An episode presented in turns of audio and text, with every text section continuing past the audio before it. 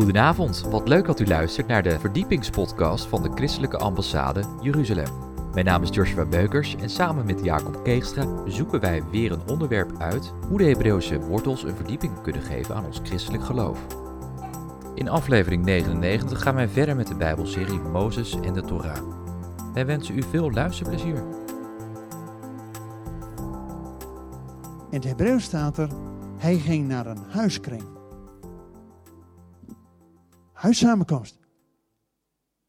Ja, maar wacht even. Huiselijk, dat kan ook gewoon onder de, eh, achter de rokken van moeder. Eh, bang voor iets anders. Nee, hij ging naar een huiskring, huissamenkomst, om het woord van God te overdenken.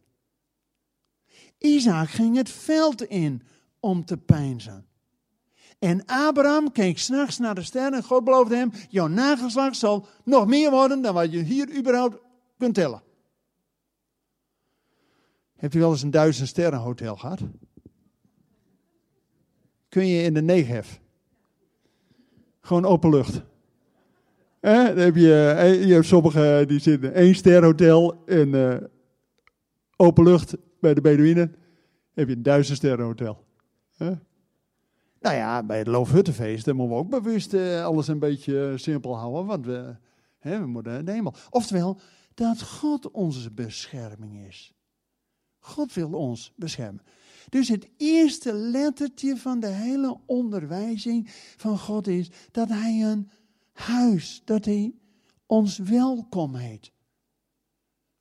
Jezus staat ook niet voor niks aan de deur en klopt. Maar moet wel open doen. En wat gaat Jezus dan doen? Loopt hij hard weg? Nee, wil maaltijd houden. Daarvoor is dat ontmoeting, huis. Die vijf boeken begint met Genesis, eindigt met Deuteronomium. Allerlaatste woord van de Torah is in het Hebreeuws Israël. Houd die even vast. De allerlaatste letter van de Torah is de L, de Lamed.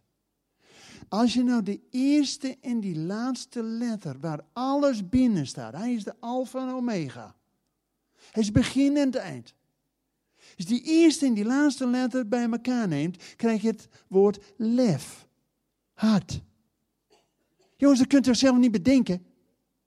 Met mijn Nederlandse achtergrond en opvoeding en weet ik wat. Ja, daar kom je niet op. Maar als je het met Hebreeuwse oren leest, denk je, wauw. Nou, wat je leuk. Want het gaat bij God om ons hart. Niet alleen om je verstand, maar mijn zoon, geef mij uw hart. Dus het is de hele onderwijzing van God. Je mag alles vergeten vanavond, maar het gaat God om ons hart. De rest mag jou. Maar waar je hart is, zal je schat zijn. Ja. Nou, dat laatste woord van de Torah is Israël in het Hebreeuws. Betekent, als in Israël heeft men, misschien hebt u het ooit gehoord, dat ze iedere Shabbat, iedere week, leest men een stukje van de Torah. Ja, misschien wel eens van gehoord. Kijk, dat doen ze wat anders dan bij ons in de kerk. In Israël leest men thuis gewoon, thuis, gewoon waar je thuis bent, thuis. Lees je iedere dag één hoofdstuk. En dan heb je in de week zes hoofdstukken gehad. En dan op Shabbat doe je niks nieuws. Maar dan kom je in de samenkomst. En dan ga je die zes hoofdstukken, die we allemaal afgelopen weken gelezen hebben, nog eens een keer met z'n allen overdenken. En dan is wat de Bijbel zegt, wanneer gij samenkomt, heeft een ieder iets. Jongens, onze kerkdiensten zijn op de Griekse lees geschoeid. Eenmaal gezegd en alle moesten stilhouden. Is juist niet hoe de Bijbel het bedoelt. Hè? Wanneer geen samenkomt, heeft dan ieder iets. Dus eh, ik weet niet hoe het vrijdag gaat worden. Maar dan hebben we allemaal een preek. En dan hebben we een echte jodenkerk, lopen we allemaal door elkaar. En als Paulus zegt, als je nou gezegend wil worden, moet je preken naar een ander. Ook al snapt die ander er nog helemaal niks van, maar jij wordt gezegend. Want als het woord door je heen gaat, word je zelf bemoedigd. Dus dank u wel dat ik hier mag zijn. Ik heb de eerste zegen alweer binnen. en u moet nog maar de zegen ontvangen. Ja. Maar de beek Gods is ook vanavond vol water. Was een beetje droog eh, van de zomer. Maar jongens, bidden we dan ook nog dat Gods geest overvloedig regen geeft? De Bijbel spreekt over een vroege regen en een late regen. Bid de Heer om de late regen, de tijden van die late regen, van de uitstorting van de geest.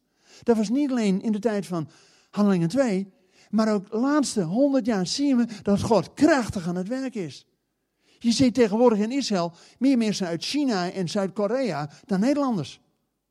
Wauw, Gods geest is krachtig aan de gang. Nou, nog in Nederland. Israël heeft iedere week een parasha, een deel van de schrift. En aan het eind van het jaar, dat is dus maand, dan is het, nou we zeggen het kerkelijk jaar afgelopen. En dan, dat gaan we ook uh, dit uh, komend weekend, met het Israël weekend, allemaal uitleggen met de najaarsfeesten. Over Joods nieuwjaar, Yom Kippur, Sukkot, noem alles maar op. Dus uh, blijf ook in het weekend in en krijg je een dubbele portie. Nou, gaat er juist om dat als de Torah-lezing aan het eind van het jaar geëindigd is, en die eindigt met de zegen, dan is het slotwoord van de Torah Israël. Want daar draait het om. Want direct daarnaast dat afgesloten is, gaat men weer beginnen met Genesis 1. Bereshit bara Elohim. In het begin schiep God de hemel en aarde. Maar het kernwoord waar het om draait is Israël. Niet alleen qua woord, maar dat is ook een les voor ons. Want juist de Bijbel zegt, Romeinen 15, vers 27, dat wij, gelovigen uit de heidenen, hebben alle zegen via Israël ontvangen. En dus die hele onderwijzing, de hele Torah die God heeft opgeschreven, door hoeveel Joodse schrijvers hebben de Bijbel geschreven? Het is een Joods boek, hè? En u gelooft in een Joodse Messias. 40 Joodse schrijvers. Eén was Mozes, die heeft er al vijf geschreven. En zo ging het verder. Maar 40 Joodse mannen hebben de hele Bijbel geschreven. Dus het is een Joods boek. Dan is het ook goed om niet met Griekse gedachten, die wij zo hebben, maar met Hebreeuwse oren de Bijbel te lezen. Nou, we focussen ons vanavond op de Torah, is al meer dan zat. En uh, de rest van de week wordt dat verder uitgeplozen. Maar die hele Torah, die onderwijzing, iedere week een portie en aan het eind van het jaar, dan komt de zegen. Niemand weg voor de zegen. Want God wil zijn volk iets meegeven is een zegen van de Allerhoogste. En weet u, die zegen van God is ongelooflijk mooi. Nou, laten we eindelijk eens een keer de Bijbel gaan lezen. Want anders hebben we het er alleen maar over de Bijbel, maar niet uit de Bijbel. Waar staat de zegen van God, jongens? Die priesterlijke zegen. Oh ja, die hebben we pas morgen. Hè? Dan, dan, hebben we het over Aaron. Dus, maar vanavond een preview. Nummer 6, hè? U kent die allemaal. De Heere. Oké, oké, die kent u. Oké, laten we daar eens met Hebreeuwse oren naar gaan kijken. Nummer die. Oh, ja, met uh, Hebreeuwse oren naar luisteren. En uh, ja, helemaal goed. Helemaal goed. We zijn nog wakker. Dank je. Die, die zegen van God staat in het Hebreeuws. Ja, dat zult u moeten nakijken als u mij niet gelooft. Maar in het Hebreeuws staat er drie regels. Drie staat iedere keer voor Vader, Zoon en Geest. Drie eenheid. Maar God is één, hè? Oké. Die drie regels, de eerste regel bestaat uit drie, slechts drie woorden. En in het centrum van die eerste regel staat God. Dus het is niet alleen begin en eind, maar vooral het focus. Centrum. Het is God die zegent. Niet Mozes of Aaron. Hè? Die mogen de woorden uitspreken. Helemaal goed. Ja. Ja, we krijgen uh, een eigen preek. Hey. Oh, ja, uh, lukt dat om hem uit te doen? Of, uh? Oké, helemaal goed. Oké, dus die eerste regel heeft drie woorden. Nou, ja, ja. batterij eruit halen helpt ook. Oké. Nou, oké. Ja, moeilijk. Nou. Oké. Nummer 6, vers 24 tot 26. Die zegen van God in het Hebreeuws drie regels. De eerste regel, drie woorden. Drie is altijd Vader, Zoon en Geest. Die tweede regel bestaat uit vijf woorden. Vijf is de handreiking van God. Die vijf boeken. Maar is ook het getal van de genade.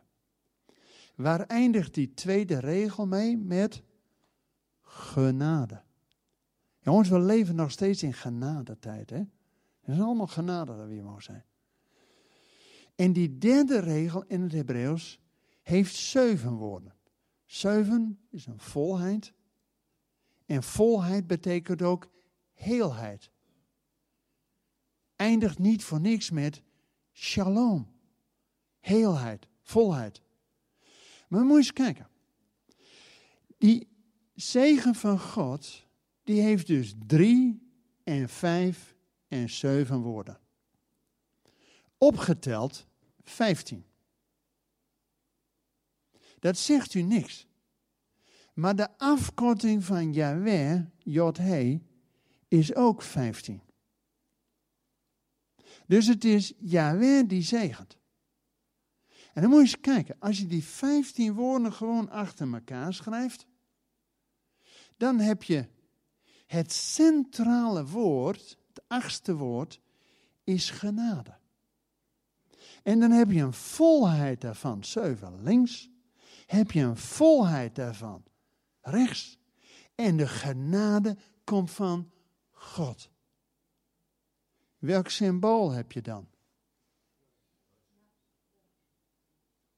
De zegen van God komt via het kruis tot ons. Dat kunt je zelf niet bedenken, mensen? Ik niet. Die zegen van God, die mogen we dus iedere keer ontvangen. Hè? En naar Aaron mocht de woorden spreken. Maar het is God die zegent. En weet je, die Torah, die vijf boeken, die heeft een begin en een eind. Maar die heeft ook precies een centrum. En het Hebreeuws is een vrij gestructureerde taal. Het is bijna wiskunde. Precies in het centrum wil God zijn focus. Wil ook zijn belangrijkste boodschap leggen. Nou, als we die Torah, die vijf boeken van Mozes, van Genesis 1 tot Deuteronomium 33, daar precies het centrum van is Leviticus 19. Zullen we daar eens naar gaan kijken? Leviticus. En Leviticus 19, vers 18b, is precies het centrum. Maar voordat we zomaar een tekst uit zijn verband plukken, want dat mag vooral niet. Leviticus 19 begint met: Wees heilig, want ik ben heilig.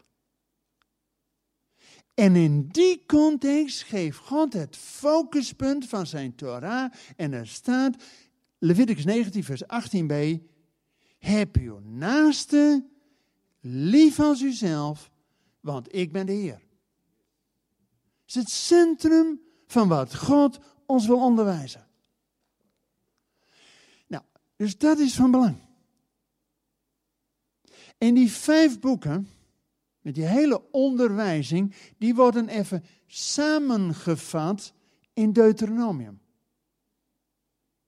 U kent misschien ook Deuteronomium 6, vers 4, de beleidenis van Israël.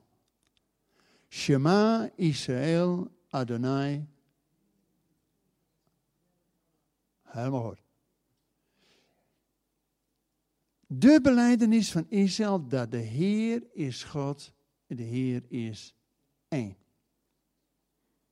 En gij zult de Heer uw God liefhebben met alles wat in u is. Hoofd, hart en handen. Dus die twee onderdelen, de kern en de samenvatting, dat zijn nou precies die twee elementen die Jezus ook bij elkaar voegt als aan Jezus later gevraagd wordt, Rabbi, wat is nou het grote gebod? Wat zegt Jezus dan? Hoe lees gij? Dus Jezus doet niks buiten Gods boekje om, hè? Jezus is notabene zelf het levende woord. Dus logisch dat hij de hele Torah gewoon voorleeft. En de kern in de samenvatting precies bij elkaar neemt als twee elementen. Die voor ons als christen van fundamenteel belang zijn. Want wat zegt Jezus? Het grote gebod is, hoor Israël, de Heer is God, de Heer is één, dus gewoon Shema. En gij zult de Heer uw God lief hebben boven alles en uw naaste als uzelf. Aan deze twee hangt de hele wet in de profeten. Dus Jezus snapt dat met Hebreeuwse oren het gaat om het focuspunt, de kern. Heb uw naaste lief als uzelf, want ik ben de Heer. En de samenvatting, heb God lief boven alles en het Shema. Met andere woorden, iedere keer als wij ook willen naderen tot God, en daar zullen we het in het weekend over hebben met de feesten, de najaarsfeesten, is niet alleen maar feesten en uh, en weet ik wat. Nee, is om ons te helpen te naderen tot God. Maar als we willen naderen tot God, zegt God wel, wees heilig, want ik ben is heilig. En weet je, als Israël, maar ook Jezus met zijn discipelen, als ze vanuit Capernaum opgingen naar de feesten in Jeruzalem, dan zong men elkaar toe de liederen van de opgang. kom, ga met ons en doe als wij, huppatee, we gaan op naar Jeruzalem. Maar is men dan in Jeruzalem, dan heb je nog die 15 treden voordat je op het tempelplein bent. En dan zong men de 15 liederen van de opgang. Psalm 120 tot 134. En als men er dan bijna is, op die voorlaatste tree, zingt men de 14e psalm. Dat is Psalm 133. Hoe goed het is en lieflijk dat broeders en zusters tezamen. Hé, hey, waar heb ik dat eerder gehoord wonen? Dus de eerste letter van de Torah ging God het al om een huis. En als je in het huis van God wil komen, is de eerste voorwaarde dat het goed is met je naaste. Jezus zegt ook in het Nieuwe Testament, als je tot God wil komen en wilt offeren, en je bedenkt je dat het niet goed is tussen jou en je naaste, stop dan even. Ga eerst heen, verzoen je met je broeder, kom dan en offer bij de Heer. Dus de voorwaarde om te naderen tot het huis van de Almachtige is dat het goed is met je naaste. Dan kun je in vrede samenwonen en kan God die zegen geven. Mensen, de Bijbel geeft allemaal van dit soort doorkijkjes. Kijk, die vijf boeken is een eenheid. Dus we mogen het nooit zomaar uit het verband plukken. En die vijf boeken zijn de eerste. Fundament voor de rest. Die vijf boeken, die hebben een begin, een eind en een centrum. En het centrale boek, wat wij als christenen het liefste overslaan. Weet je wat in Israël het meest gelezen wordt, is Leviticus. Dat is dat centrale boek van de Torah. En het begint met offers. Nou, is dat nou... Uh, ja, maar als je even doordenkt, ook wij komen pas tot God door het offer. Dat Yeshua, Jezus, al die offers voor ons vervuld heeft. En Mozes was de knecht van God. En Jezus is de zoon van God. We zullen het deze week nog hebben. Dat Abraham was de vriend van God. Daar begon het mee. Mozes is de knecht van God. We zullen het hebben over Elia, is de man Gods.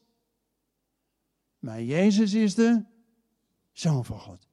En Mozes, hoe zo'n grote leider hij ook is, hij verwijst steeds naar die ander. Dat er een broeder komt, kijk naar hem. God zal één verwekken uit uw broederen, hoort naar hem. Dus die Torah verwijst naar Yeshua, Jezus. Logisch dat in Romeinen 10 staat dat Jezus is de, ja, daar staat in het Nederlands, hij is het einde der wet. Nou. Ja, met zo'n vertaling kun je dus niks, hè? Dat betekent, nou, hij is het einde van de wet, nou, weg maar met die wet. Maar dat staat er niet. Er staat in het Griekse origineel, Nieuw Testament is Grieks geschreven, Jezus is de telos van de nomos. Jezus is de bedoeling van die wet. Dan lees je me even anders. Dat is niet bij Jezus, nou, dat is het einde, nou, weg ermee. Nee, Jezus is juist die vervulling. Mozes die keek al uit naar. Dus die hele Torah is niet afgedaan. Jongens, de naam zegt al zoveel. Hè? Wij hebben Oude Testament. Hallo. Als je, als je een winkel opent, hè? En dan uh, zeg maar, uh, weet ik wat voor spul in die winkel. Aan de ene kant van de winkel, nou, bordje erboven, oud. Nou, dan denk je, opruiming hè. Twee halen, nul betalen. Ja, opruiming. Ja, dat is het ons doel, is Nederlands. Nou, oud, ja. Wees blij dat we het meenemen. En aan de andere kant, nieuw. Oh, nieuwe collectie, nieuwe dit, nieuwe, oh, dan denk je, oh, dat maar wezen. Jongens, dat is ons waardepatroon, hè, wat wij erop gelegd hebben. Weet je hoe Jezus, is toch voor ons, onze Heer en Heiland, hè? Ja toch, daar, daar kan ik toch van uitgaan. Anders stoppen we en dan gaan we direct naar het pastoraat. Hoe noemt Jezus het Oude Testament? De schriften die u wijs kunnen maken tot zaligheid. Op paaszondag, voor ons toch de meest cruciale dag in de geschiedenis, paaszondag toch? De opstandingsdag. Gaat Jezus tot twee keer toe tegen die Emmausgangers en later ook nog tegen zijn elf bange discipelen, dat hij zegt, o ongelovigen van dat gij niet weet wat in de wet, profeten en geschriften staat, dat een Messias moest lijden om tot zijn heerlijkheid in te gaan. Dus Jezus noemt dat niet oud. Dat is van hem het bewijsstuk dat hij goed bezig is. Dat wil zeggen, hij deed alleen maar wat er stond in wet, profeten en geschriften. We zullen Woensdag hebben het over Elia. Mozes vanavond, Elia woensdag. Mozes en Elia spraken met Jezus op de berg der verheerlijking. Waar hadden zij het over? Met Jezus. Over zijn ex-Uzia die hij te Jeruzalem zal verbrengen. Over zijn exodus die hij te Jeruzalem zal doen. Want Mozes was degene die die exodus uit Egypte maar Jezus is degene die die exodus uit onze zonden. Wauw. Dan had hij even instructie van Mozes nodig, zeg maar, om te weten hoe het allemaal ging. En Elia was, jongens, Elia was de eerste hè, die iemand uit de dood deed opwekken. Dat was nog nooit eerder gebeurd, hè? Elia was de eerste. Elisa, zijn opvolger, deed er twee. En Jezus in de lijn van de profeten, hoeveel heeft Jezus uit de doden opgewekt? Nee, u ziet het goed. Dus Jezus is de, niet de eerste uit de dood, maar de zevende. Maar we geloven toch altijd dat hij de eersteling is uit de doden? Hoe kan dat nou? Nou, die eerste zes, dochtertje van je Iris en Lazarus met permissie, die zijn weer levend geworden aan deze kant, maar zijn vroeger of laat toch overleden. Maar Jezus is door de dood heen gegaan en is aan Gods kant op boven gekomen. En kan hij ook vanuit Gods kant ons te hulp komen. Hij is degene die van de overkant ons tegemoet kan komen. Hoe heet dat in het Hebreeuws? Hij die van de overkant komt, is een Hebreeër. Daarom staat in de geslachtslijn van Jezus, hij is de zoon van Abraham. Want dat was die eerste die van de overkant kwam, de eerste Hebreeër. En Jezus is degene die van Gods kant ons tegemoet komt. Wauw. En Jezus was de zoon van Abraham. En Abraham was degene die leert ons wat geloof is. En door Jezus zijn wij kinderen van Abraham. En delen wij in de belofte. En met Mozes mogen we die uittocht beleven uit Egypte. En weet u, als Israël met Pesach, Pasen, die zedemaaltijd heeft en gedenkt en de uittocht van Egypte, dan moet men zo lang dat vieren dat niet alleen, Egypte, eh, sorry, dat niet alleen Israël uit Egypte is gegaan, maar dat jij zelf uit Egypte bent gegaan. En daar is ook de les van ons vanavond. Jongens, we kunnen alles horen over de Bijbel. Gaat erom als met die principes van God. De slotprincipe van Genesis is dat de dood van Jozef, de dood van de redder der wereld, opent de deur voor Exodus. En als wij in het offer, het centrale deel van de Torah, dat het offer van Jezus voor ons geweest is, we daar ons geloof op vestigen, dan is ook die doortocht en uittocht en intocht voor ons. Want Mozes had wel de uittocht. Maar er was een Yeshua, een Josia nodig, een nieuwe leider nodig om die intocht. Mensen, ik kan nog veel meer erover vertellen. Ik denk dat het goed is dat we gewoon in gebed gaan. Dat God ons niet alleen toont wat die uittocht is, waar we van bevrijd moeten worden. Maar dat God ook deuren opent, dat we werkelijk een stap in het beloofde land. God wil ons koningskinderen maken. Misschien nog één tekst voordat we gaan bidden. Kijk, voordat God. Sorry, ik zal hier gaan spreken. Voordat God Israël de leefregels van het koninkrijk geeft die noemen wij de tien geboden. Eigenlijk heten die gewoon de tien woorden. Is een huwelijkscontract tussen God en zijn volk. Maar die staan in Exodus 20. En voordat God die leefregels van het koninkrijk geeft, gaat God Israël eerst in de positie plaatsen. Want God geeft geen leefregels van het beloofde land aan slaven. Kijk, Israël die was uit de slavernij, maar die slavernij zat nog in hun. Daar moesten ze ook van bevrijd worden. En dat is ook een les voor ons. We kunnen wel ergens uit zijn, maar zijn we al klaar voor de volgende stap die God in ons leven wil? Dan wil God ons eerst in de positie zetten en dan pas kunnen we de leefregels van het koninkrijk. Wanneer we de tien geboden, de tien woorden, uit zijn verband halen, dan lukt het ons nooit. Want dan is er altijd wel één die steelt, één die liegt en dan de, uh, weet ik wat, die tien geboden, jongens, dan kun je het vergeten. Maar God gaat zijn volk eerst in de positie zetten. Laten we lezen Exodus 19. Exodus 19. En er staat, ik lees vanaf vers 3.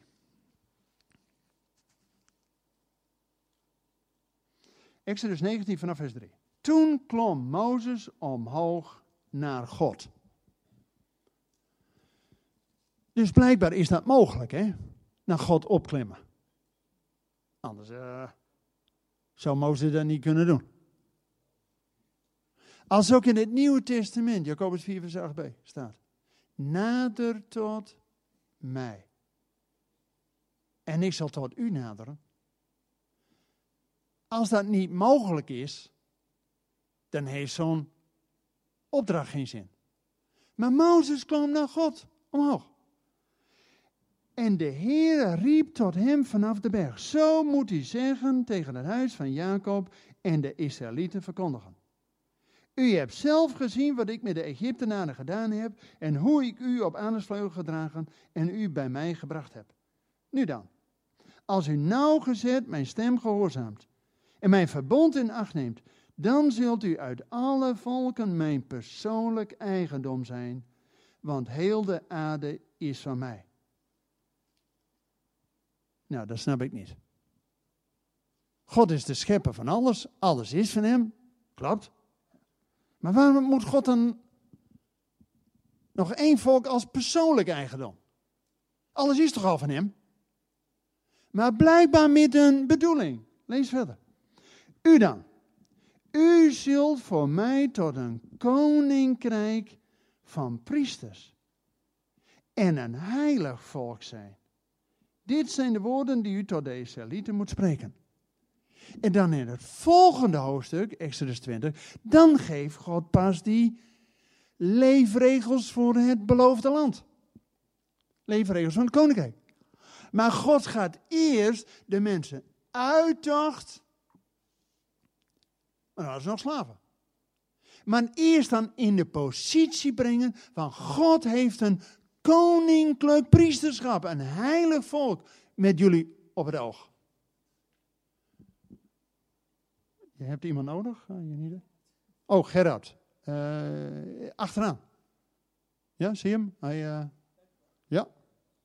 Oké. Okay. weet je, vlak voor het einde van de Torah staat er niet alleen koninkrijk van priesters. Dat is ook weer zo'n Nederlandse vertaling. Staat er niet. Gij zult mij tot koningen en tot priesters zijn. Dat is even wat anders.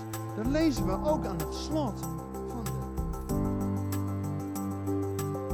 Bedankt voor het luisteren naar deze verdiepingspodcast van de ICEJ.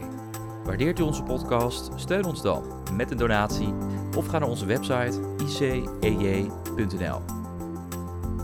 Volgende week gaan wij het hebben over hoe we de Bijbel kunnen lezen vanuit de Hebreeuwse context. Een speciale aflevering en ik hoop dat u wederom naar ons gaat luisteren. Dank u wel voor het luisteren en tot volgende week.